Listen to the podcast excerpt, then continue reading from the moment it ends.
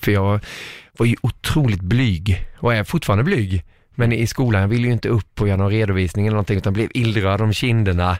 Eh, kom på sen när jag var äldre att, ja men perfekt Klerasil som man använde när man fick någon finne någon gång, det kan jag ju ta på kinderna, då får man ju bort det här röda. Så jag kletade ju Klerasil på kinderna då för att inte visa att jag blev generad. Så att jag, jag tycker det är lite intressant och lite stolt över det också att man har tagit den här vägen från att vara jätteblyg och inte våga göra någonting till att sitta och leda kanske en OS-sändning där, eller en VM-final i hockey när det sitter nästan 2,5 miljoner och titta.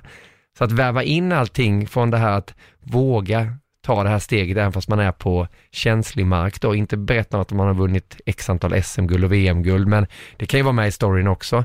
Men mer den här biten hur man eh, ja, men lär sig våga misslyckas.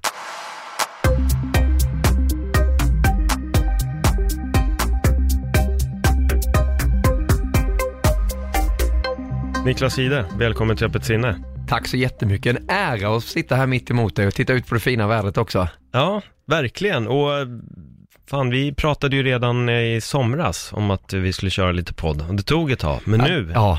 Ja, men det är väl att det är två det. upptagna killar kanske, ändå så har jag ju precis spelat in en podcast innan i samma studio, så vi, Ja. vi rör oss i samma område hela tiden. Men det är inte alltid så lätt att styra upp det där med tider. Det är ungefär som man säger, ja men du vi käkar lunch någon gång. Det har man ju sagt i tio år till vissa kompisar, det blir aldrig av. nej, och det är nästan värre ibland när man jobbar på samma jobb. Då är det mer klassiskt att man inte får till det. Ja, ja men det, det blir lite sådär och ja, man hamnar ofta vid samma lunchbord med samma kollega. Mm. Även att man eh, kanske hellre skulle gå med någon annan ibland så, så blir det inte det utan man skjuter upp vissa saker. Ja. Ibland medvetet kanske. Ja men definitivt, jag vet, jag har en kompis som, han pluggade teater i England förut. Och varje gång när han kom hem, då såg vi alltid till att träffas. Ja. Och vi träffades varje gång han kom hem, vilket var två gånger per år. Nu när han har bott i Sverige har vi inte setts på fem år. Ja, det är ju märkligt. ja, det är Och bo- helt, bor han i Stockholm? ja, han bor i Stockholm. Det är ju helt Ja, otroligt. nej, det är helt sjukt. Så det är men, en, men det, är inte det lite så också som med eh, kontakten man har nu, Kan- till och med med, med vänner, väldigt nära vänner, till och med med familjemedlemmar. Man skickar sms istället. ja. Och sen så har man koll på varandra för man ser vad de gör på eh, Instagram och det är Twitter och det är Facebook överallt. Så man har ju full koll på vad alla hittar på. Mm. Men man har inte den där personliga kontakten längre. Det är ju bedrövligt egentligen. Nej, jag tror det är det som ger illusionen av att man ses oftare än vad man gör. Ja.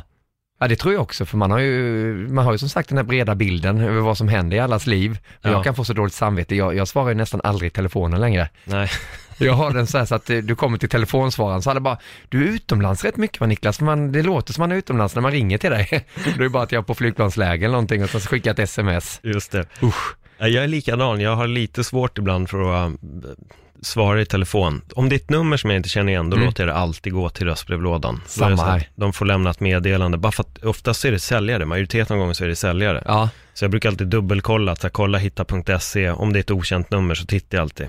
och det finns ju aldrig med på dem heller. Ibland gör det, Ja, ja. ibland, ja. Men annars brukar jag låta dem få ringa igen, men är det någon som vill mig något, då lämnar de oftast ett meddelande. Ja men så är det ju den nya Ja. tiden, då ska det ju komma, man blir ju nästan lite förbannad när det inte kommer ett sms när Nej. någon har ringt, för då blir man ju så nyfiken, man, "Ah", då får man nästan ringa upp det där numret ändå.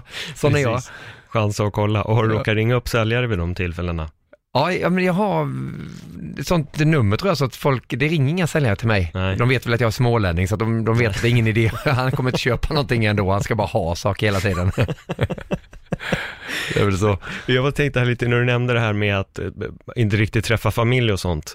Hur blir det för dig med din brorsa till exempel? För du måste ju också se honom väldigt ofta på tv, så du måste ju verkligen känna att nej men jag träffade ju Peter igår. Ja men så är det ju lite, det kan ju vara ibland att ja, när, man, när man får den frågan, hur ofta träffas du och Peter, då blir det, ja men vi träffas rätt ofta, vi spelar padel och vi, vi är ju på samma jobb, han är ju också på Nent Group då som Mm. jag är nu.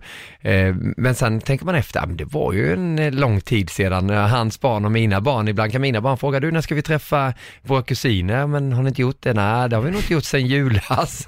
så det, är lite så som du säger, man följer varandra på ett annat eh, vis. Och jag kollar ju på hans serie som går på TV3 och Mm. via Play och han tittar ju lite när jag sitter i fotbollsstudion eller hockeystudion så att det känns ju som man träffas oftare. Mm. Men, men vi spelar rätt mycket padel ihop så det blir i alla fall varannan vecka som man ses. Ja, men det är bra. Det är bra, för min, min storebrorsa, han är väldigt inaktiv på sociala medier. Så där får jag inte känslan av att jag har träffat honom, vilket är ganska positivt. Hur många år skiljer? Eh, fem.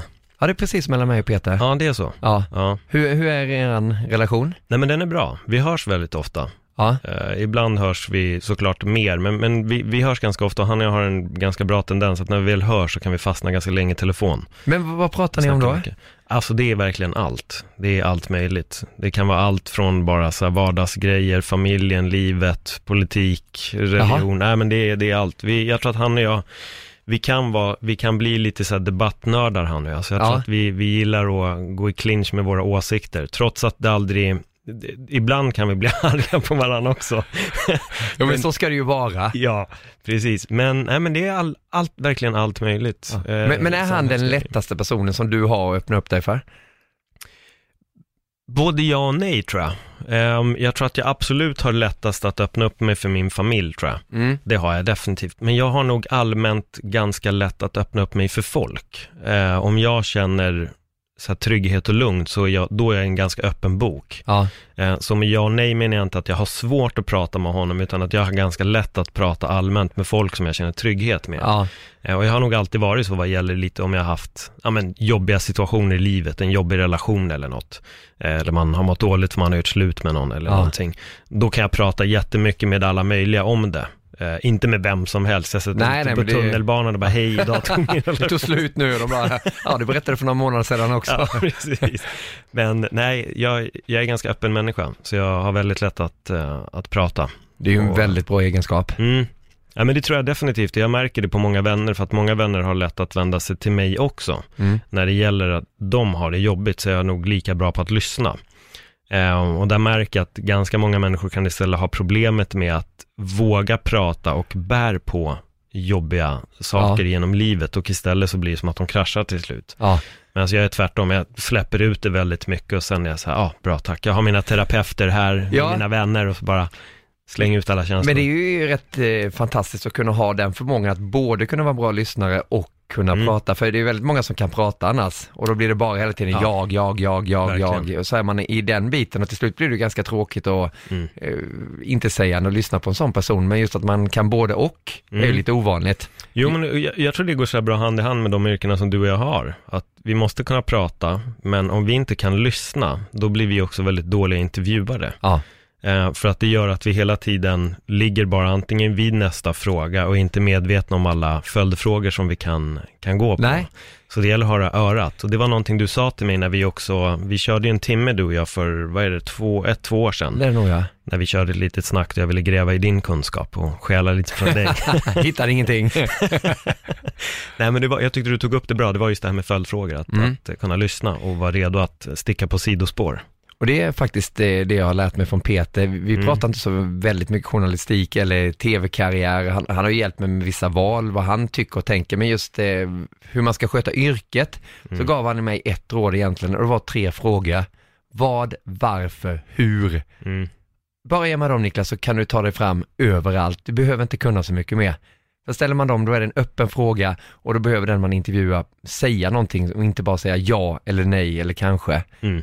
Och det, det har jag med mig fortfarande. Sitter du och tittar på en sändning som jag leder så är det nästan alltid, hur menar du då? Hur tänker du där? Varför var det så? Det, det, det är ju enkelt men det är ju genialt också för det, det är inte jag som ska vara i centrum. Därför jag, jag är en mycket bättre lyssnare än vad jag är på att prata själv. Eh, Och jag tycker ibland det är lite jobbigt när folk kommer fram och vill höra någonting kanske om innebandykarriären eller hur det är att, sitta i tv nu för jag vill hellre höra om dem. Jag är mer nyfiken på Ulla på ICA, hur hennes vardag är. Mm. Vet, det tar ju en timme för mig att gå och handla på ICA i Vallentuna för jag, jag stannar och pratar med alla. så kommer han in lite på, ja ni har gjort om här i mejerihyllan nu, varför då? det, det är väl en, en sån grej, bara nyfiken helt enkelt. Ja, men det är väl ändå fantastiskt att, att kunna ha den känslan, att man är nyfiken på folk. För det känns som att, lite som du säger, de flesta är bra på att prata men de är inte nyfikna på något annat. Nej, och det, det är ju, jag kan ju tycka det är lite konstigt egentligen att folk gillar att prata så mycket om sig själva Mm. och berätta, om de hör en historia så ska de alltid toppa den nästan. Ja, men jag kommer ihåg när vi var på semester där, vi fick bo på det där hotellet och det var så och jag var där och den restaurangen jag gick på. Det blir inte så där jätteroligt till slut utan det, det måste ju vara mer intressant att höra vad någon annan tycker liksom och, och bredda sig och lära sig själv mer, för det gör man ju när man är nyfiken. Nej men definitivt, det är kul att du tar upp det där. Var tror du att det där kommer ifrån? För jag har tänkt, jag har börjat lyssna mer och mer på det, på folk. Och jag, jag kan vara likadan själv. Ja, Eh, inte att jag kanske direkt försöker toppa, men jag tror att ibland så känns det som att man eller det känns som att man behöver ha en, en liknande historia också när någon redan drar någon. Men när man börjar lyssna på det på en fest Mm. Och man kliver helt åt sidan och bara lyssnar, då märker man att bland tio pers så kommer alla ha en exakt Ja. identisk historia. Som att man vill vara med i det här uh, osynliga gruppen Ja. eller vad det är. Men tror inte du att det har förändrats lite också med tanke på sociala medier? Att alla hela tiden är ju små redaktörer och har sina Mm. egna små varumärken man ska bygga. Då blir det på det sättet när man sitter i en grupp också, att man hela tiden vill vara med och man vill twittra ut, om man ska använda det uttrycket, och verkligen hävda sig. För jag tror inte det var så för, för 20 år sedan, att alla satt och pratade om sig själva och skulle toppa historier och sånt, utan jag tror att det är lite mer vår generation nu som kommer och det, det kommer nog bli ännu värre om det nu är farlig grej då. Ja, Just det det, bekräftelsebehovet. Ja. Men hur mycket Instagram, har du Instagram överhuvudtaget? Jag hade ju inte det för ett tag sedan. Jag fick eh, alltid så lite kritik av mina kompisar och kollegor. Varför har du inte Instagram? Det är viktigt. eh, För det handlar ju om att bygga varumärke i våran värld också, att Mm. man ska synas. Men, ja, men jag var lite så, jag använder inte Facebook. Det gör jag bara via, via Plays, eh, hockey-Facebook eller fotbolls-Facebook. Då jag använder inte min egna Facebook en enda gång. Nej. Men Twitter gick jag igång och där är jag ju väldigt aktiv. Men det är ju mer egentligen bara för jobbets skull.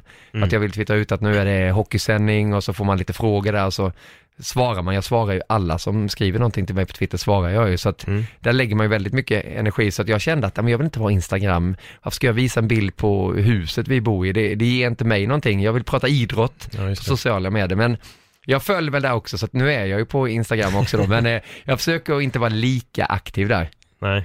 som jag är på Twitter. Men hur aktiv är du på Twitter då? Oj, väldigt. Skulle du gå in och kolla på mitt Twitter och kolla hur många tweets jag har lagt, eh, då skulle jag skämmas och nästan vilja byta konto. Men, men det, det är lite att, jag lägger några inlägg varje dag, men det är att alla som skriver får ett svar. Mm. Om det är någon som skriver så, ah, Niklas vad tror du om eh, Frölunda mot Djurgården ikväll? Då skriver jag, fast väldigt kort då. Mm. Eh, Så därför skriver jag aldrig några frågor på Twitter för då skulle man få så väldigt många svar och då vet jag att då måste jag alltså lägga en timme på att sitta och svara alla.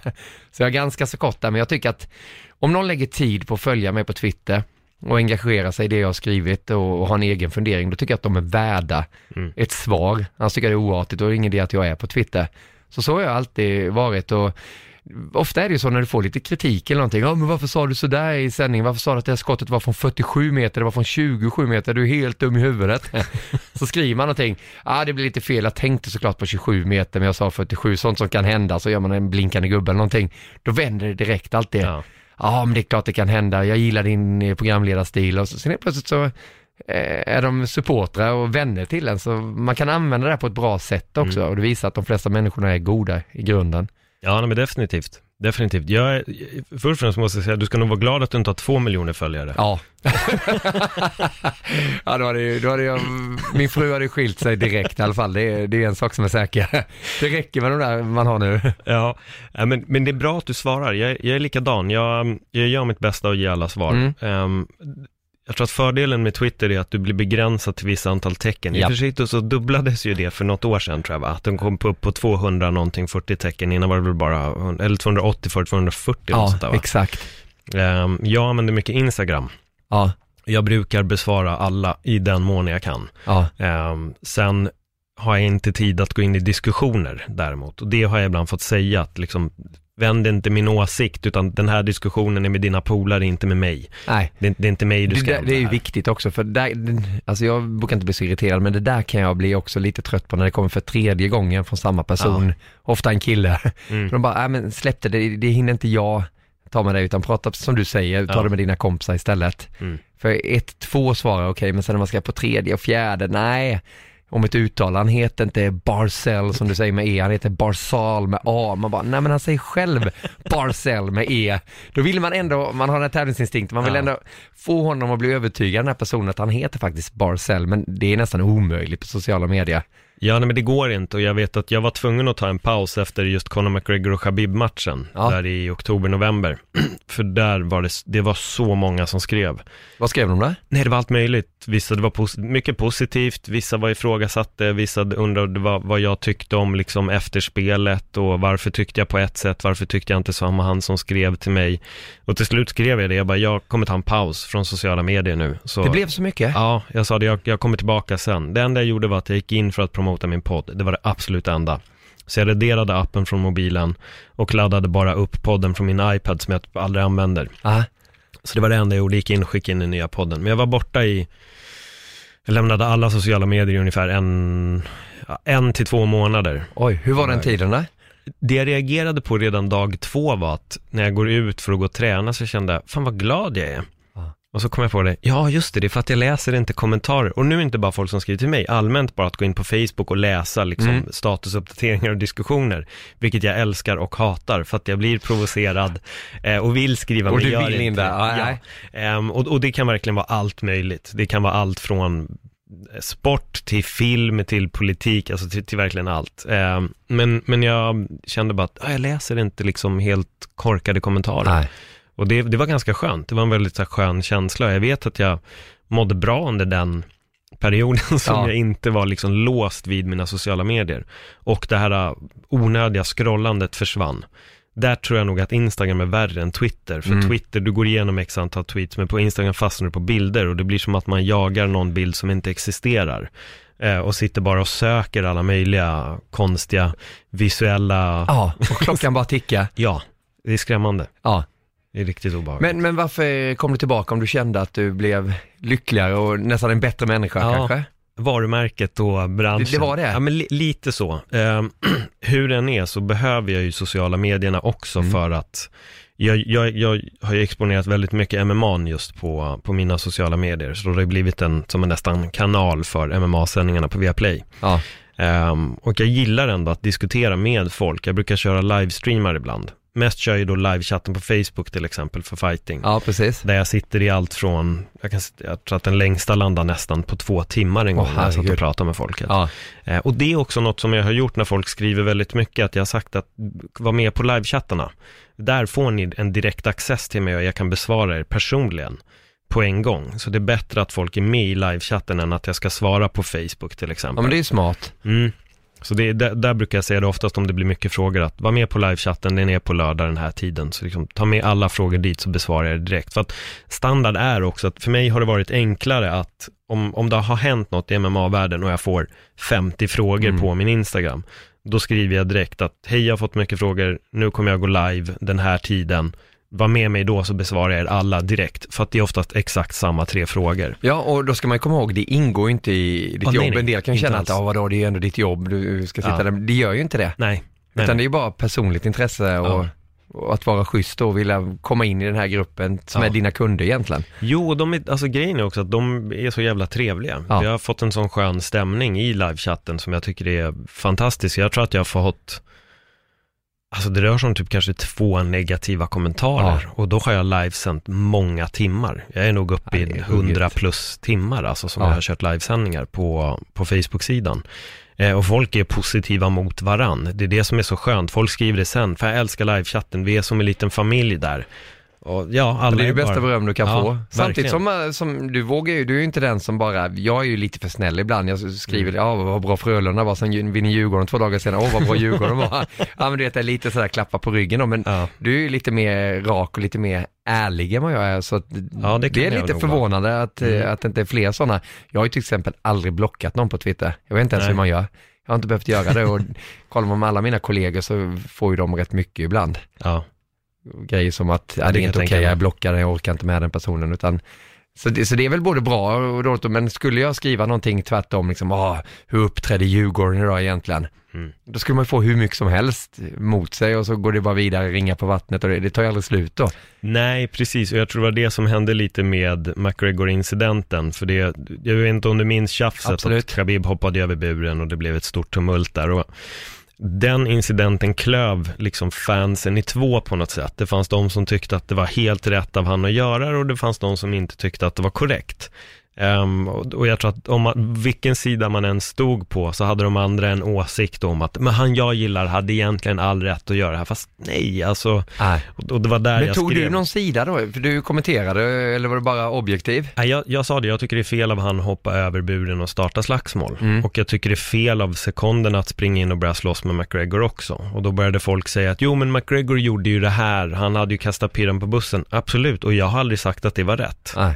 Men det andra blir inte mer rätt. I min värld blir inte det mer rätt. Nej. Man, man kan inte försvara och då sa jag det att jag tycker att fighten tog slut när liksom han klappade. Där var det över. Sen om de vill välja att fortsätta slåss en annan dag eller backstage, alltså go for it. Det, det rör inte mig om ryggen egentligen. Du var ju där för idrotten. Ja, men i en arena med fa- betalande fans, det blir så här, nej, det, det blir fel. Ja. Alltså det blir väldigt, väldigt fel. Och jag- för mig finns det inget försvar, man, man får tycka vad man vill där. Ja. Eh, men, men sen är jag så här, jag har inget problem att någon inte tycker som jag tycker.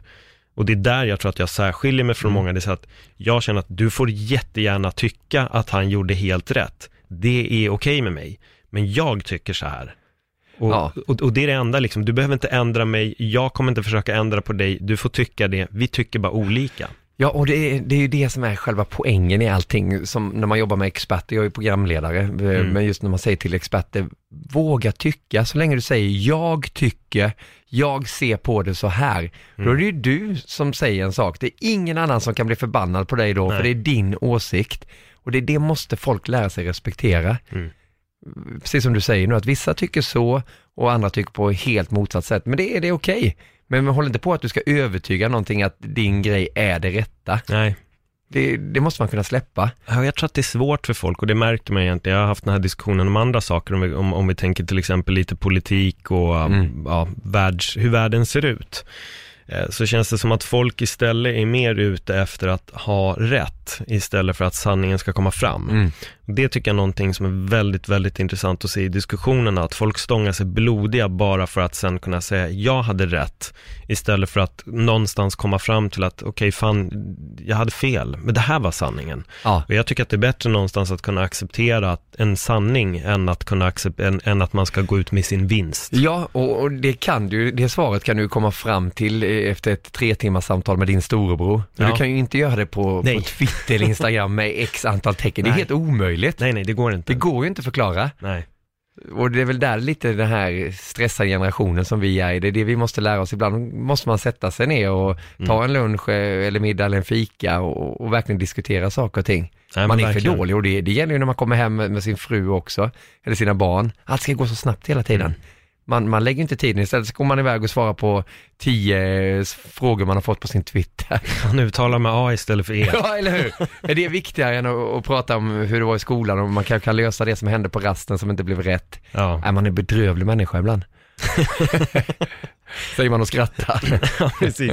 Men hur många barn har du? Två? Är två stycken. Två stycken. Jag har en dotter som fyller 12 som heter Freja. Mm. Är också konstigt att döpa eh, när man har den småländska dialekten och lägga in ett R i namnet, men Freja heter hon. Och sen Elton som fyller 9. Mm. Eh, Så, ja men det börjar ju hända saker, nu börjar de bli stora, nu är det inte jättekul att vara med pappa och mamma utan nu vill man ju vara med polare istället Ja, och det. det. börjar komma uttryck som eh, man bara wow, så, Mm. som mitt lilla barn det där. Så det är en helt ny eh, värld som kommer där också, men jag tycker det är ganska skönt med tanke på det jobbet som jag har. Mm. Att man är iväg ganska mycket, jobbar lite konstiga tider och sånt. Att man har lyckats hålla ihop det så bra, det är bara att tacka min fru också, de, i och med att man har jobbat så mycket. Men att det har kunnat funka under den tiden, det känns som man har gjort det bästa nu och nu är de så pass stora så nu kan de vara hemma lite själva, även fast jag skulle iväg och jobba en kväll då. Mm. Så att det, ja, åttaåringen är inte hemma själv såklart, men det blir bli lite enklare att lämna bort dem och, och styra upp vardagen på ett annat sätt. Ja, men det kan jag tänka mig. Men, men hur är det för dem med så sportintresse och sånt då? Eh, jo men de håller på, Freja är faktiskt väldigt, väldigt bra i, på att dansa. Hon är med och tävlingsdansa och, och lever för det och jag, det har jag ju inget intresse av. Det är klart jag följer henne och tycker det är skitkul och ställer upp och kör henne och stöttar på det, på det viset. Men jag har ju inte det intresset för det, men, men hon Nej. lever det. Så det har blivit en helt ny värld också. Jag menar, jag har ju tre bröder. Det var ju inte direkt att någon höll på med dans där. Så det här kom lite oväntat, för hon började med fotboll och innebandy, lite mer den här bollsportsvärlden då som både jag och min fru kommer ifrån. Men det blev dansen. Men Elton, han, han lever bollsporten då. Där är fotboll, det är hockey och det är innebandy. Mm. Så det blir en hel del idrott. Ja. Men det är så det ska vara.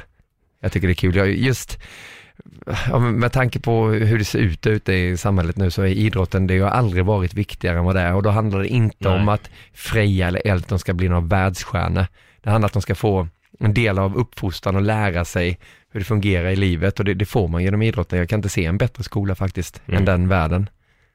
Nej, men det kan, det kan jag verkligen tänka mig. Och du har ju verkligen en eh, bakgrund och det här med bandyn. Ja, Ja, men man har ju levt det ju ända från man lärde sig krypa egentligen så har det bara varit bollar. Så vi, Mm. hela familjen, både mamma och pappa var idrottare och pappas, pappa som min farfar höll också på med, med idrott och hockey och fotboll och allt möjligt. Så det har bara varit idrott. Mm. Sen kan jag känna att jag är lite för smal egentligen för att jag, det är idrott som fortfarande nu när jag är 42 år som är det som livet kretsar kring då. Men det, det är ju så, jag har ju andats sport och sen, sen början. Mm. Jag vet inte vad jag hade varit utan den egentligen. Ja, för jag tänkte lite på det här med, med just bandyn. Mm. Ehm, det var ju en tid också, det var ju inte jättelänge sedan då bandy bara var någonting som vissa arbetsplatser höll på med eller man lirade på skolan och det var ju det var ingen, det var ingen stor sport. Nej, Men plötsligt hände någonting. Jag älskar att du säger bandyn också. Ja, Ja men det, det kommer jag ihåg för det, jag menar, tidigare var det ja, bandy, bandyn är ju bandy, det är en gammal klassisk Exakt. sport, men det, det är ju, innebandy är ju bandy numera, Ja. vilket stör en del såklart, men jag själv tycker, jag säger själv också bara bandy nu. mm. Men det, det är ju precis som du var inne på där. Eh, Jag höll ju på med, med fotboll, jag höll på med ishockey och tennis. Jag bodde ju i Växjö, det är ju så här tennisens mecka. Det är Mats Wilander, Jan Gunnarsson, Jonas Björkman. Alla var ju där. Fidde Rosengren som kommenterar Mm. eh, tennisen här hos Just oss på Nent. Var ju min tennistränare där då. Mhm. Så det var ju, man skulle bli tennisproffs, det var den stora drömmen. Och sen när jag kände att nej, jag kommer inte bli det och det var lite monotont att stå där fyra timmar om dagen och slå backhand cross. Eh, så hade min storebror börjat spela innebandy och vi var ju uppvuxna med att spela hockey och landhockey på gatan som man gjorde då med träklubbor och, boll. Och då var det, ja, det här verkar ju häftigt och hängde på honom och mina kompisar som redan spelade innebandy också. Och från dag ett där kände jag bara, äh, men det här är ju min grej, det är det här jag ska göra. Och att det fanns rätt mycket attityd i innebandyn. Du som, som älskar MMA och Mm. UFC, det är, det är ju helt olika sporter innebandy och UFC, det går inte att hitta mer motsatser kanske, men du förstår grejen lite. Det var framåtanda, det var unga människor som ville bygga upp någonting. Och man glömmer ju lätt bort det. Det, det sitter 14 000 i Globen i lördags och kollar på SM-finalerna. Eh, Det är den näst största lagsporten i Sverige, det är bara fotbollen som är större. Mm. Så innebandyn är ju gigantisk, sen är det ju att det inte kommer publik och den får inte det här i massmedia under vanliga serielunker, men det, det får man leva med, så är det helt enkelt. Men jag är ju jättestolt över det jag fick uträttat och fick vara med om. Därför, men vad, vad, vad tror du är som gjorde att bandyn blev så pass stor? För jag menar, jag vet själv när min, jag spelade inte bandy, min Nej. brorsa gjorde det däremot. Ehm, och då vet jag med att helt plötsligt så fanns det en bandytidning. Ja. Och det var ju så här, vad fan kom det här ifrån? Helt plötsligt blev det en stor sport och det började sändas på tv och drog så mycket folk. Ja. Vad, vad, vad tror du det är som gjorde att det exploderade bara sådär? Ja, men dels är det ju för att det är fruktansvärt enkelt. Alla har ett par gympaskor som man har med till idrotten i skolan. En klubba, plastklubba var ju, är ju billigt och det är det fortfarande. Det är liksom ingen dyr idrott att hålla på med. Och i och med att hockeyn är så stor som den är i Sverige så blir det ju lite det här att, ja men Kalle hänger inte riktigt med i skridskoåkningen och hockey är ganska dyr sport, men testa innebandy istället. Det var väldigt många som kom till innebandyn och när en kom, då kom två, då kom tre, helt plötsligt var det ett kompisgäng och så kom det ju lite förebilder också. Och det är bara att tacka Stockholm, eh, som med Balrog fanns ett lag som hette från Norsborg, Mm. med väldigt häftiga killar, Christian Hellström, Conny Svensson och Bruno Lundberg, kepsarna bak och fram, stod på Busters omslag. Man vill ju vara som dem, jag tryckte upp en tröja, en luvtröja, vi gick omkring i Växjö med luvtröja, var väl enda som gick omkring med en luva på sig, såg inte klokt ut. Men då stod det ju eh, C. Svensson då, Conny Svensson, nummer 11 i Balrog. Utan det blev förebilder och det där spred sig. Helt plötsligt så började sporten växa och folk kände att ja, men det här, här kan ju bli någonting. Och så dunkade de ju till med innebandy-VM 1996 i Exakt. Globen. Och då var det ju bara påven och Bruce Springsteen som hade haft fler besökare i Globen. Sen kom innebandy på tredje plats, förbi hockeyn, förbi allt annat också. Och på den vägen var det, sen, sen bara exploderade det ju. Mm. Och det blev större med mm, elitserien och hela den biten. Att Det är det, sjukt att på så kort tid. ja, det gick väldigt snabbt. Ja. Men när jag kom med i landslaget, det var ju direkt efter Globen-VM där 1997. Mm. Eh, Då var jag 20, jag hade inte ens fyllt 21 då. Eh, Då, då var det ju också den här resan, man kände ju att ja, men det är en liten snöboll och nu bara eskalerade. Stora företagen hakade på, Adidas fick man kontrakt med och det var andra stora bolag också som kände att det här ska vi satsa på för det är ungdomarna vi vill åt och de finns ju i innebandy då, precis som de alltid är ute i fotbollen också. Och då blir det mycket enklare för innebandy eh, klubbarna att hitta den här linjen, att eh, hitta en liten satsning mot också. Sen är det ju inte den här elitsatsningen, du kan ju fortfarande inte leva på att vara innebandyspelare i Sverige. Nej. Det tror jag aldrig du kommer kunna göra i stort sett, men man får vara nöjd med den nivån där på, att så många håller på med det. För det var lite min nästa fråga, vad var det för pengar man kunde tjäna på din tid när du spelade? Liksom, Nej, jag du, bli- du kunde inte leva på det antar jag? Ja, alltså i slutet av karriären kunde jag ju Ja. göra det. Jag var ju nere i Schweiz där ett tag också. Eh, där levde man ju jättebra då, om man tittar och jämför med hur det var i Sverige. Men när jag, när jag skrev på för Pixbo, eh, när jag var, vad gammal var jag då? 95 flyttade jag upp, jag var 19 år. Då var första kontraktet, jag fick 10 eh, resor hem till Växjö med tåget. Det kan väl kosta 200 kronor per biljett eller något sånt då. Sen fick jag 5000 kronor för att jag spelade med ett visst märke på klubban. Det var det man fick och då då var det ändå rätt många klubbar som jagade mig då, men det, det räckte för att locka över mig då. Ja, På tal om smålänning. alltså. men, men sen blev det, ju, blev det ju bättre. De sista åren man spelade i AIK så hade man ju liksom en lön och man fick hjälp med, med bil och hela den här biten. Mm. Lägenhet och allt sånt. Men det handlade ju mer om förutsättningar runt om innebandyn. Jobb och så vidare. Det var ju det som tog in mig på den här mediabanan också. Just det. Så att man har ju innebandyn att tacka för allt och hellre det än att jag hade fått 40 000 i månaden och sen hade man stått där man hade slutat som 33-åring. Jaha, vad ska jag göra nu? Ingen utbildning alls. Vad har du gjort killen? Nej, men jag har spelat eh, bandy. Ja, har du spelat bandy? Mm.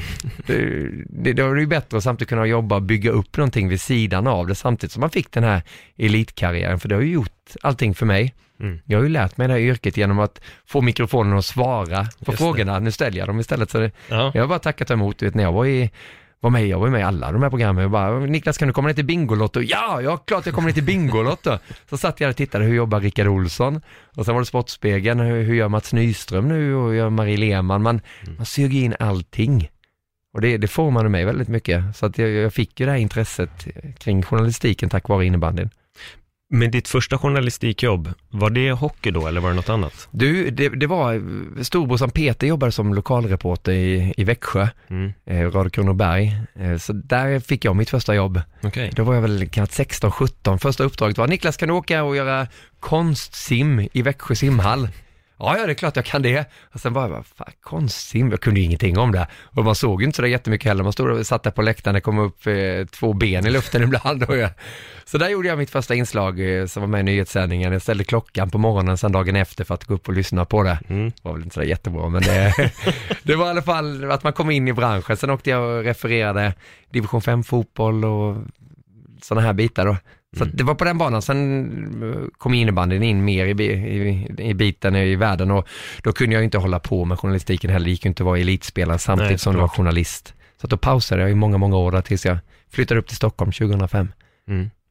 Då tog det fart. när började du på, ja, vi satt hette det då, när jag Mm. dagen. När började du där? Eh, Jag började 2008, gjorde jag mitt första uppdrag. Då var det tenniskommentering. Eh, Okej. För då hade de fått nys också, ja men han har ju spelat tennis innan och jag hade jobbat lite och kommenterat greyhound racing, det är sån här hundkapplöpning och mitt i natten Mm. var mina pokerspelande kompisar i innebandylaget som var uppe. Du, fan jag tycker vi hörde dig på kanal 5 i natt 03.00, kommenterade några hundar, stämmer det?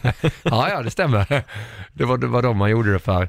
Så jag gjorde det några år och vanlig sån här spel-tv. Mm. Fick jättemycket erfarenhet. Det var ju program efter program efter program. Precis som vi sitter och gör hockey och fotbollssändningar nu. Så man fick lära sig jobba med producenter, redaktörer och någon som pratade i örat, hela den biten. Mm. Så att man var ju rätt redo. Sen när jag fick chansen där på Viasat och då ringde Erik Westberg som var sportchef. Bara du, vi vill att du åker på hockey-VM. Och jag bara tänkte bara säga nej, nej, nej, nej, det vill jag inte, jag vågar inte det. Jag var fortfarande rätt blyg så här. Mm. Men så, då ringde jag faktiskt Peter, storbrorsan. Du, de vill att jag ska åka på hockey-VM. Då var jag fortfarande innebandyspelare och visste att jag kommer få så mycket skit. Alla bara, ah, där sitter han. För jag hade ju en förmåga med innebandy att jag ville ju synas ganska mycket. Ja. För att jag ville att innebandyn skulle komma fram och få lite rubriker. Då kunde man inte vara så snäll hela tiden, utan då var man tvungen att vara lite kaxig. Så jag trodde ju att det där skulle avspegla sig lite när jag satt i, i rutan och var programledare. Men det gick, det gick väl tydligen rätt bra då, för att efter jag hade gjort det hockey-VM 2008 i Quebec så eh, ville de anställa mig på Viasat när man startade upp Viasat Hockey då 2009. Mm. Eh, och då hoppade jag på det och sa att nu är det mitt sista år som innebandyspelare. Spelade av det året och därefter då så har det bara varit hockey och fotboll i stort sett efter det. Det, det lyckades liksom med allting, det bara föll på sin plats i, i rätt ordning där då. Mm. Så att man är väldigt tacksam och väldigt ödmjuk kring det. Hur, hur gick det med självbiografin? ja, den, den har inte kommit ut ännu. Ja, jag, jag sa det någon gång där, ja, i något, något inslag, och det var ett väldigt konstigt inslag, för vi hade inte så mycket resurser innebandyn. Då var det Viasat som gjorde det, Mm. det där inslaget, och så ringde de ner till Göteborg och spelade Pixbo. Du, vi har ingen reporter, men vi skulle vilja göra ett inslag där Niklas Gide intervjuar Niklas Gide. Mm. Fattade ju ingenting, så vi, det kommer ner en kamerakille och en ljudkille eh, och gör det här inslaget och du kan väl, kom på lite roliga citat också. Så sa jag det att, ja, men jag ska ju skriva min självbiografi, 23-årig innebandyspelare, det hade inte ens, mamma hade inte ens köpt den här boken. Men det kanske är mer intressant nu, det, ja, jag gillar att skriva, men det, Mm. jag tror att den här boken hade nog inte sålt sig jättemycket. Nej, vad, vad gillar du att skriva? Ja, men jag kan, ja, dels då krönika, skriva en hel del innebandy. Jag hade en innebandyblogg som jag skrev ett inlägg varje dag som blev ganska långt. Så det, idrottskrönika tycker jag är rätt roligt. Jag gjorde det för hockeyn också på Viasat. I Kvällsposten, Expressen, var krönikör där lite. Och fick vara med om hur man bygger en krönika. Det, jag har väl inte jättebra språk, men eh, jag tror att det, det går ganska enkelt. När jag väl sätter mig och skriver så mm. rasslar det till. Jag vet inte om du känner igen det själv också. En del Mm. kan ju känna att de måste sitta och skriva länge och sitta och fundera, men för mig skriver jag rätt snabbt, kanske inte så snyggt, men eh, jag får väl ut rätt mycket av det. Mm. Känner du igen det? Jo, jag skrev väldigt mycket förut. Jag, jag har kommit av mig nu, Ja. vilket är jättefrustrerande. Jag pluggade även Poppius på rekommendation av Jonas Berg. Jaha, Han tyckte att jag skulle gå Poppius, för vi satt och pratade han och jag. Och då tror jag bara att han insåg att eh, Paul ville utvecklas. Då sa han, fan du borde gå Poppius eh, utbildning i grundjournalistik. ja. Eh, Så jag tog den, jag tog den kursen och gick. Och Hur var den då? Ja men den var bra, jättemycket skriva. Mm. I princip bara skriva. Och det hade jag kanske inte direkt förväntat mig, men det var så perfekt, för jag, jag gillar att skriva. Så Ja. det var, utbildningen blev liksom lite bättre än vad jag hade förväntat mig när jag anmälde mig och tog den. Nej, jag tycker den var superbra. Jag, fick, eh, jag lärde mig väldigt mycket i mitt skrivande. ja. Och, Som vad? Ja, men det är så små, små detaljer. Jag tror att ehm, jag gillar ju, jag kommer från en humorbakgrund. Jag höll ju på med stand-up. Vi giggade du och jag hade ju ett, ehm, det var någon fotbollsderby tror jag det var, AIK. Du, då blev du intervjuad och jag körde stand-up efter. Det här var på något litet torg. Ja, ja, ja, Ehm, bakom Råsunda. Mm, exakt. Ja. Och då hade de, det var så roligt, för jag tror att hela grejen med att ta dit en komiker var att, de skulle, att det skulle lugna folket. Jag tror det är så här skämtsamt mellan AIK-klacken eller fansen själva. Ja, Så det vill ta dit en komiker som når upp stämningen istället. vilken Eh, grej. Mm, så du fick, du gjorde någon, du blev intervjuad där ett tag och sen en stund senare så var det jag som fick upp och köra stand-up. Hur gick det då? Det gick bra, det gick Ja. förvånansvärt bra, måste jag säga. Jag hade inte kört jättelänge stand-up då, jag kanske hade kört i två år. Eh, och sen gillade jag att skriva och det som fick mig att sluta med stand-up var att jag kände att jag fick folk att skratta, men jag ville ha ett djupare budskap. För stand-up för mig var sån otrolig självterapi, så när du väl börjar skriva skämt om saker, då börjar du Ja. inse också hur upp och nervänd världen egentligen är. Ja, Och du börjar inse hur skev du själv är och man börjar analysera sig själv på så många plan. Eh, och jag kände bara att, fan, stand-up, jag får inte fram det jag liksom vill säga. Men däremot om jag satt och skrev långa berättelser eller dialoger mellan människor, då kan jag börja göra roliga scenarios Mm. med mina djupare tankar. Eh, så jag valde att kliva av stand-up-scenen för att skriva en bok. Och jag, jag skrev en bok, men där är, vi inne också, det? ja, där är vi inne på språket. Språket bär inte boken i Nej, mål. okej. Liksom. vad, vad var det för bok då? Eh, jag kan berätta det sen, Ja. för att jag känner att jag vill inte dela med mig av idén, för jag tycker den är så jävla bra. Oj, oj, oj. Och jag funderar på att skriva om boken. Den, den finns på ett så här, i mitt bakhuvud så måste jag skriva om den. Jag, jag måste göra den rätt. Eh, Förstår du vad nyfiken jag blir nu? Ja, och det, och det ska alla andra också Ja. som lyssnar. Eh, men sen skrev jag en till bok efter det också. Så jag har skrivit två böcker. Den boken, där kan jag, den kan jag dela med mig av. Det handlar egentligen om tre personer, tre vänner, Mm. som alla vid ett visst skede i livet är arbetslösa. Och då får den ena killen den bri- brilja- briljanta idén att de ska bli kriminella. Eh, och de andra tycker bara att han är sjuk i huvudet. Tänker, fan vi kan inte bli kriminella, vi är för gamla för att bli kriminella, vi har inte gjort något. Han bara, nej men jag har en plan. Vi gör det som ett, liksom, som ett tv-spel, att man går igenom olika banor. Ja. Så att vi börjar med snatteri, klarar vi det så gör vi nästa sak. Och det, finns, det var tre moment, så det var snatteri, de skulle göra inbrott hos någon och sen skulle de råna en bensinmack. Och om de klarade alla de här tre stegen, då skulle de bestämma sig för att okej, okay, då kan vi satsa på en kriminell karriär. Ja. Bara att under inbrottet så är de omedvetna att de gör inbrott hos en stor, liksom sagt, låt oss kalla det knarkkung då. då. Oj. Eh, och de blir jagade av han och hans folk och de anser att de här killarna är superproffs medan de bara är råamatörer. Så det är lite sådana här när amatörer misstas för proffs. Ja. Så blir det bara en spiral av eh, massa jobbiga jakter på de här människorna. Men det är humor. Den är, den är hu- 100% Men, men hade du gjort någon research då eller skrev du bara improvisation? Jag fick, nej, alltså det, det är så sjukt. Det klassiska uttrycket, det finns mycket kroppar begravda i öknen när man är i Vegas. Du känner till Ja, det, den ja. har man hört flera gånger. Och jag vet inte varför jag började tänka, för att jag brukar gå ut och promenera på ett, i ett naturreservat i Segeltorp.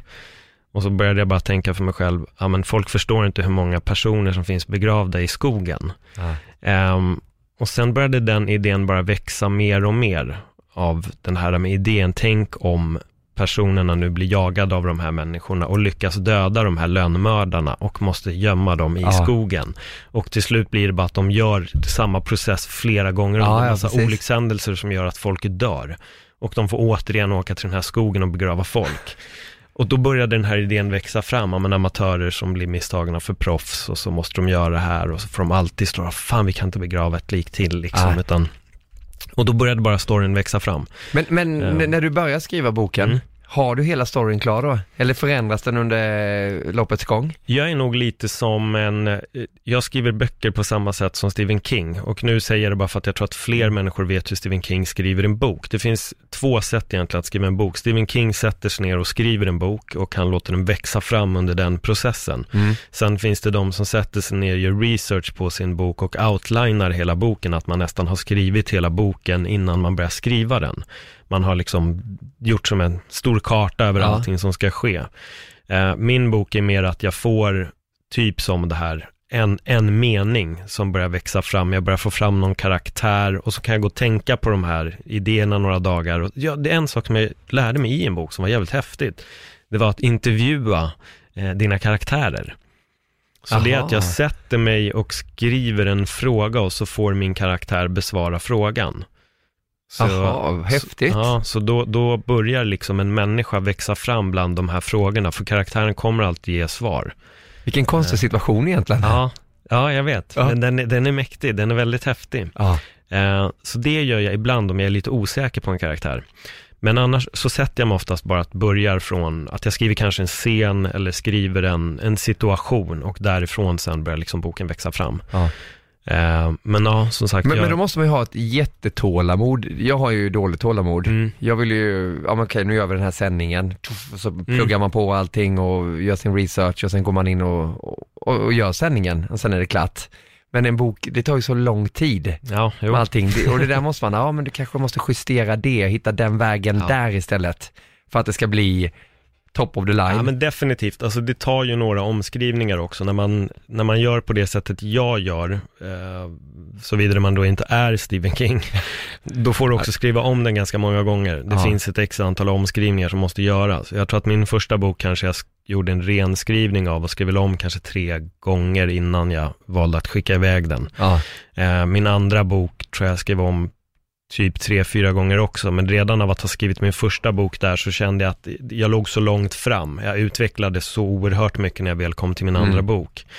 Men den första boken vet jag att jag gick in och skrev nya scener och jag ändrade väldigt mycket i hela den processen. Medan den andra boken gick på ett ganska så här enkelt led. Jag visste ganska snabbt var jag ville. Och där hade jag, innan jag började skriva, så hade jag lekt lite med karaktärerna, så jag visste så här, det här Ja. är mitt slut. Hit måste jag komma, bara att slutet blev annorlunda. Ja, det blev det ändå. Det, det landade typ ändå där liksom. Ja. Men vad, vad skulle du känna om du läser om bok ett nu tror du? Just det språkmässiga? Eh, jag skulle nog skratta och tycka att den var Ja. katastrof. Jag har nog gjort väldigt mycket fel, som så här det och det och dem och sådana där Ja, saker. Det hade jag ganska dålig koll på på den tiden. Ehm, men ehm, nej, jag tror nog språkmässigt så, så, så skulle jag nog garva ganska mycket. Ja. Jag vet att när jag printade ut min andra bok, eh, så tar jag bara hälften av boken ur printen och ser texten som är och jag bara, fan den där meningen kan jag formulera om. Och när jag kände så, då var jag så här, åh jävlar, Ja. fan här finns det mycket att Jo, men, rätta. men det är väl som om du drar igång via Play när du kommer hem Mm. eh, och så lyssnar du lite. Då Ja. känner man ju också, ja men där kunde jag ju gjort så, där borde jag ställt den frågan. Det finns ju alltid, alltså Ja, självkritiken definitivt. är, ju, är ju alltid där och det, är- det är så man utvecklas också. Mm. Det är ju många som inte vågar titta eller lyssna på sig själva. Nej, jag vet. Man måste, man måste kunna Ja. ta det. För det, det är rätt roligt, det kan komma någon sändning en vecka senare, någonting, någon repris som går.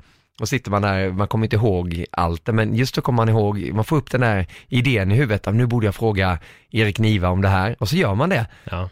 Och då känner man, shit alltså, det, där, där låg jag rätt den gången, och sen lika många gånger tvärtom såklart. Men det är också sådär att utvecklas, våga titta på, på det du har gjort. Det gäller ju mycket i livet tror jag. Nej men jag tror att det gäller allt och jag tror lite det som jag i alla fall försöker leva efter vad gäller mycket, det är väl det här att jag an, anser inte någonstans att jag är fullärd eller någon, vad ska jag, fullfjädrat proffs på det jag gör. Jag utvecklas hela, hela tiden. Ja, Och det som skrämmer mig när man intervjuar eller pratar med folk, det man när man märker att de upplever sig själva som ganska färdigutvecklade. ja. Då blir det för mig så här, oj jävlar, du har inte kommit långt alls. Nej, Eh, för, för, Mm. för jag tror att den, den största styrkan hos en själv, det är att hela tiden vilja utvecklas och lära, lära sig mer. Ja, för ibland kan man få så lite dåligt samvete, men jag tycker också det där, precis som du sa, det och dem och Mm. var och vart. Ja. Jag tycker det är mycket mer intressant nu, nu när jag är runt 40 och sitter, ja, men hur ska det vara egentligen? Jag kan ju sitta hemma och googla lite och så går man igenom och så hittar man, ja men så lär man sig lite mer, men man har ju otroligt mycket att ta in Ja, som man kanske borde ha lärt sig i skolan egentligen, men det gjorde man ju inte. nej. Jag gick i skolan i Växjö och det tog ju jättelång tid. Jag fick ju från mina kompisar i Göteborg, bara, men du varför säger du nyckeln? Varför säger du fågeln? Det heter ju inte det. Och jag bara, gör det inte. Vart ska ni någonstans? Vet man, ja men man höll på för mycket och gjorde sådana här fel som man aldrig fick lära sig. Varför sa inte någon i skolan till att det heter inte fågeln och nyckeln? Fast vi säger så i, i Växjö. Dialektalt. Ja, Mm. precis. Men då borde man ju få för vidareutbildningen i liv, man borde ju få det rätta framför sig i alla Ja. fall. Sen om man inte använder det, det är klart, jag tycker du är charmigt med dialekter, det ska ju finnas kvar och vissa ord ska alltid vara där, man ska inte ändra för mycket. Men man, man borde i alla fall få facit framför sig.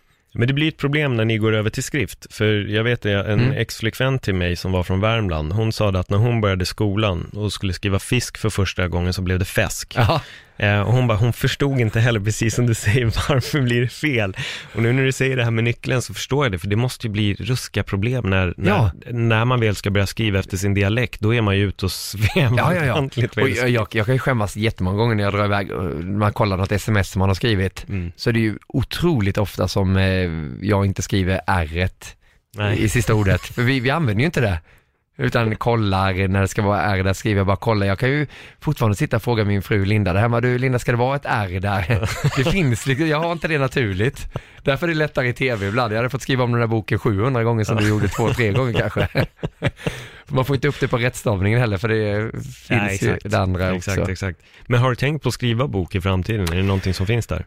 Jag kan ju faktiskt avslöja att jag satt för några månader sedan bara fick den där idén just nu, låter det pretentiöst men just med självbiografin, att det vore Mm. rätt roligt ändå eh, att göra någonting för hela den här resan som man har varit med om då, eh, från man var liten och fått växa upp. För jag var ju otroligt blyg och är fortfarande blyg.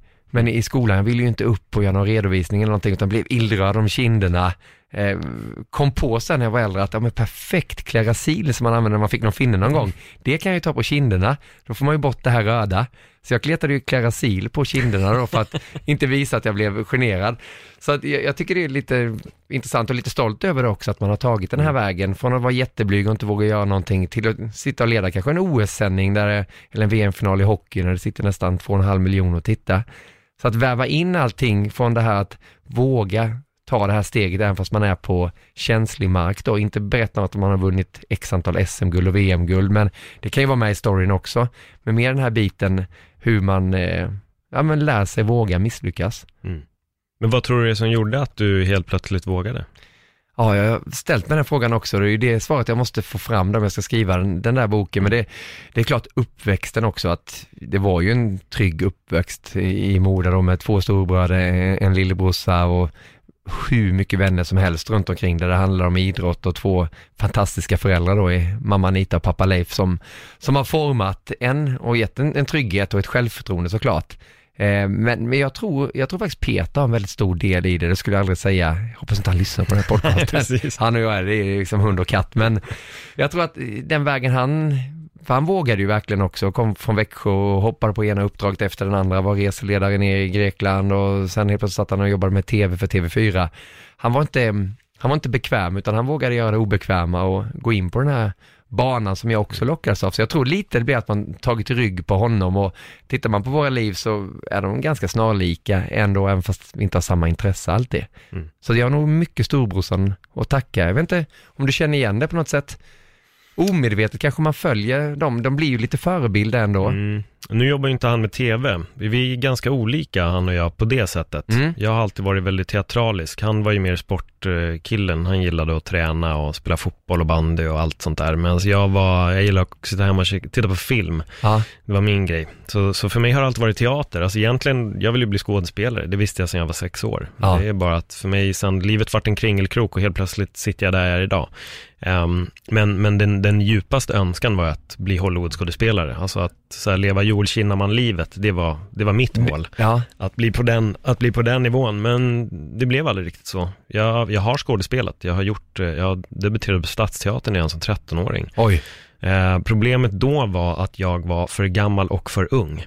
Hur, hur funkar det? Ja, att eh, man hamnar i ett mellanläge, för oftast behöver de antingen barn eller äldre tonåringar, men jag var i ett jättedåligt mellanläge och det sa de, de bara du är, du är, du är helt fel ålder, men jag fick en- jag fick en roll, eh, sen är jag arg på min mamma än idag, för att hon klantade sig, för jag var i Spanien och eh, då har regissören till Macbeth hört av sig. Sven Wollter spelade Macbeth på, eh, på Stadsteatern. Aha. Regissören har hört av sig och sökt mig för att han vill ha in mig som ett av de döda barnen som Macbeth ser. Ja.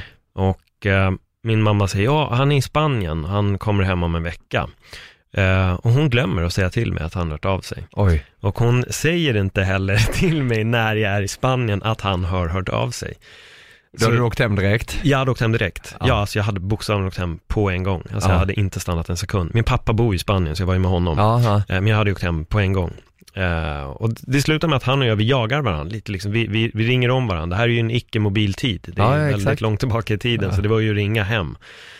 Och jag försöker få tag på honom, jag får inte tag på honom och till slut får vi tag på varandra. Men det var några månader senare, lyckas vi äntligen få tag på tid. Det tog ett tag, ja det tog ett bra tag. Eh, och då får jag också höra att han hade ringt, jag var, då var jag skitarg på min mamma. Jag vad fan! Ja. Men ehm, vi får tag på varandra till slut och eh, det kruxet är att han bara, du, du får rollen liksom, du, du, vi kan ta in dig som extra nu. Så du ska få ett manus, du får repetera och så får du komma in och så, och så får vi köra med det vid tillfälle. Eh, då läggs pjäsen ner och då får de veta Ah. att den ska läggas ner om typ en månad bara. Så han bara, jag är jätteledsen på den kommer läggas ner. Så jag fick aldrig spela det döda barnet i Macbeth. Så jag Nej. hade kunnat gjort Shakespeare på, Oj. på Stadsteatern. I så tidig ålder I också så då? tidig ålder, ja. Ja. Eh, så det är jättefrustrerande. Så, eh, Men, men har du givit upp det där nu? Jag menar en skådespelare, det ju, finns ju Ja. ingen tidsbegränsning. Det är ju inte som en idrottsman att, eller idrottskvinna att nu är det slut för nu är du 35. absolut inte. Jag är nog bara att nu har jag inte, jag har inte sökt något aktivt. Alltså det var ju det jag gjorde också med min stand-up. Jag gjorde ju massa sketcher och det är där mitt skrivande började. Mm. Eh, mitt första stora skrivprojekt var att jag fick en helt, för att göra en lång historia kort, vi skulle starta upp en humorsajt där vi skulle göra sketcher. Så jag och tre andra tillskriver tillsammans 100 sketcher. Utan överdrift stod jag för cirka 80 stycken av dem. Eh, och vi skrev det under ganska kort tid och vi skulle påbörja inspelning av de här sketcherna inom loppet av en vecka. Då får jag helt plötsligt en idé att det är standard Stockholm, ingen snö, men det dyker upp en snöbollsman som attackerar människor med snöbollar. Och Sverige får panik, eller Stockholm får panik, de blir jätteskraja för den här snöbollsmannen. Eh, och då säger jag till min kompis, vår producent, att jag har fått en idé till en julkalender. Eh, Okej. och, och, och jag förklarar idén, han bara, Paul, vi ska påbörja inspelning om en vecka. Nej, men den här idén är briljant. Jag, jag, ibland så vet jag inte om jag bara är helt galen eller om jag är ett Och geni. han, han visste ju hur du fungerade såklart. Ja, och han var så här, Paul det går inte, och han pratade med klipparen som är min medgrundare Jocke till, till Lättvikt som vi hette då. då. Och och eh, de snackar lite, jag förklarar min idé och till slut så säger de, okej vi har pratat, vi tycker att det är galet, men om du tror på idén Paul, då kommer vi lita på dig. Eh, men hinner du skriva manus så att vi kan börja spela in, vad, sju dagar senare eller vad det var? Absolut, säger jag. Så jag skriver 50 sidor manus på fyra dagar, eh, alltså 24 stycken avsnitt av Då har du redan skrivit 80 sketcher också precis ja, innan då? Ja, precis. Och då skriver jag 24 stycken avsnitt för en julkalender och varje avsnitt skulle landa på typ minuten till max två. Eh, jag får allting klart och vi lyckas påbörja inspelning också i tid. Aha. Hur eh, blev det då? Det så här, under de omständigheterna vi gjorde den, jag kan säga att den totala kostnaden landade på 5 000 kronor. Och det var för att vi vid något tillfälle var tvungna att hyra någonting. Jag tror att vi var tvungna att hyra lampor vid något tillfälle. Ah. Min kompis jobbade som producent på Atmo produktionsbolag, så tack till Atmo för att vi fick låna era kameror och, ah. och spela in även hos dem. Eh, vi, det, det lustiga med det är att vi spelar in, jag både har skrivit, jag regisserar, jag medproducerar och jag är en av huvudrollerna också. Eh, när jag tittar tillbaka på den, så absolut, det är, ingen, det är inget, eh, den är inte superbra. Den är underhållande och under de omständigheterna vi gjorde den så är den bra. Men det komiska med den är att när vi börjar spela in så finns det ingen snö i Stockholm. Ha. Men dagen efter att vi är klara börjar det snöa. Nej. Men vad, vad visades den där? På YouTube, den På finns YouTube? fortfarande. Jaha. Lättvikts julkalender 2009. Det måste man ju kolla upp. Så det finns fortfarande, Ja. ja. den ligger kvar. Men jag tror mycket, och det, det gäller väl dig också, för jag menar det här att gå upp på scen och stand-up, det måste ju vara bland det svåraste man kan göra och mest osäkra yrkena som finns egentligen, för man är helt utlämnad. Ja. Men eh, om man går tillbaka till, till frågan där, vad som gjorde då att man gick från blyg till Mm. att få självförtroende, så är det såklart innebandyn. Ja. Efter uppväxten och sen när jag hittade in på innebandyn och kände att, aha, det här är jag ju bra på. Nu vill folk, vilket är konstigt också kanske för att man är bra på en sak, men då vill ju folk lyssna och eh, klubbarna ringde, vi vill värva dig hit och lalala, det blev mycket, du får åka och ta bilder med Adidas och, och göra reklam för här köksföretaget, vet sådana helt konstiga grejer, men man växte ju för varje sån sak Mm. och man stod på, på scen och var på avslutningar och hela den biten och med i tv-program, så det var ju där man fick kött på benen. Just. Och annars hade jag aldrig klarat det här yrket som jag har nu då, men jag, jag har lärt mig att Ja, ja, hade jag velat bara vara i centrum då hade jag spelat innebandy till, jag var som Jaromir Jagr, tjeckiska hockeyspelaren 42, åka runt och få skriva två, tre autografer efter match. Men nu, nu är jag ju i den här branschen och då är det inte jag som ska vara i centrum, Nej. även fast det känns lite konstigt nu när du intervjuar mig i den här podcasten. Men eh, jag trivs ju så mycket bättre på den andra och inte vara i jättemycket centrum, även fast man hamnar som det i tv-yrket. Det är därför jag kanske har svårt för det och prata till och med på ICA när någon kommer fram och vill höra hur är det i Premier League-studion. Mm. Så tycker jag det är roligt att höra om hans mejerikyl egentligen. Ja, just det.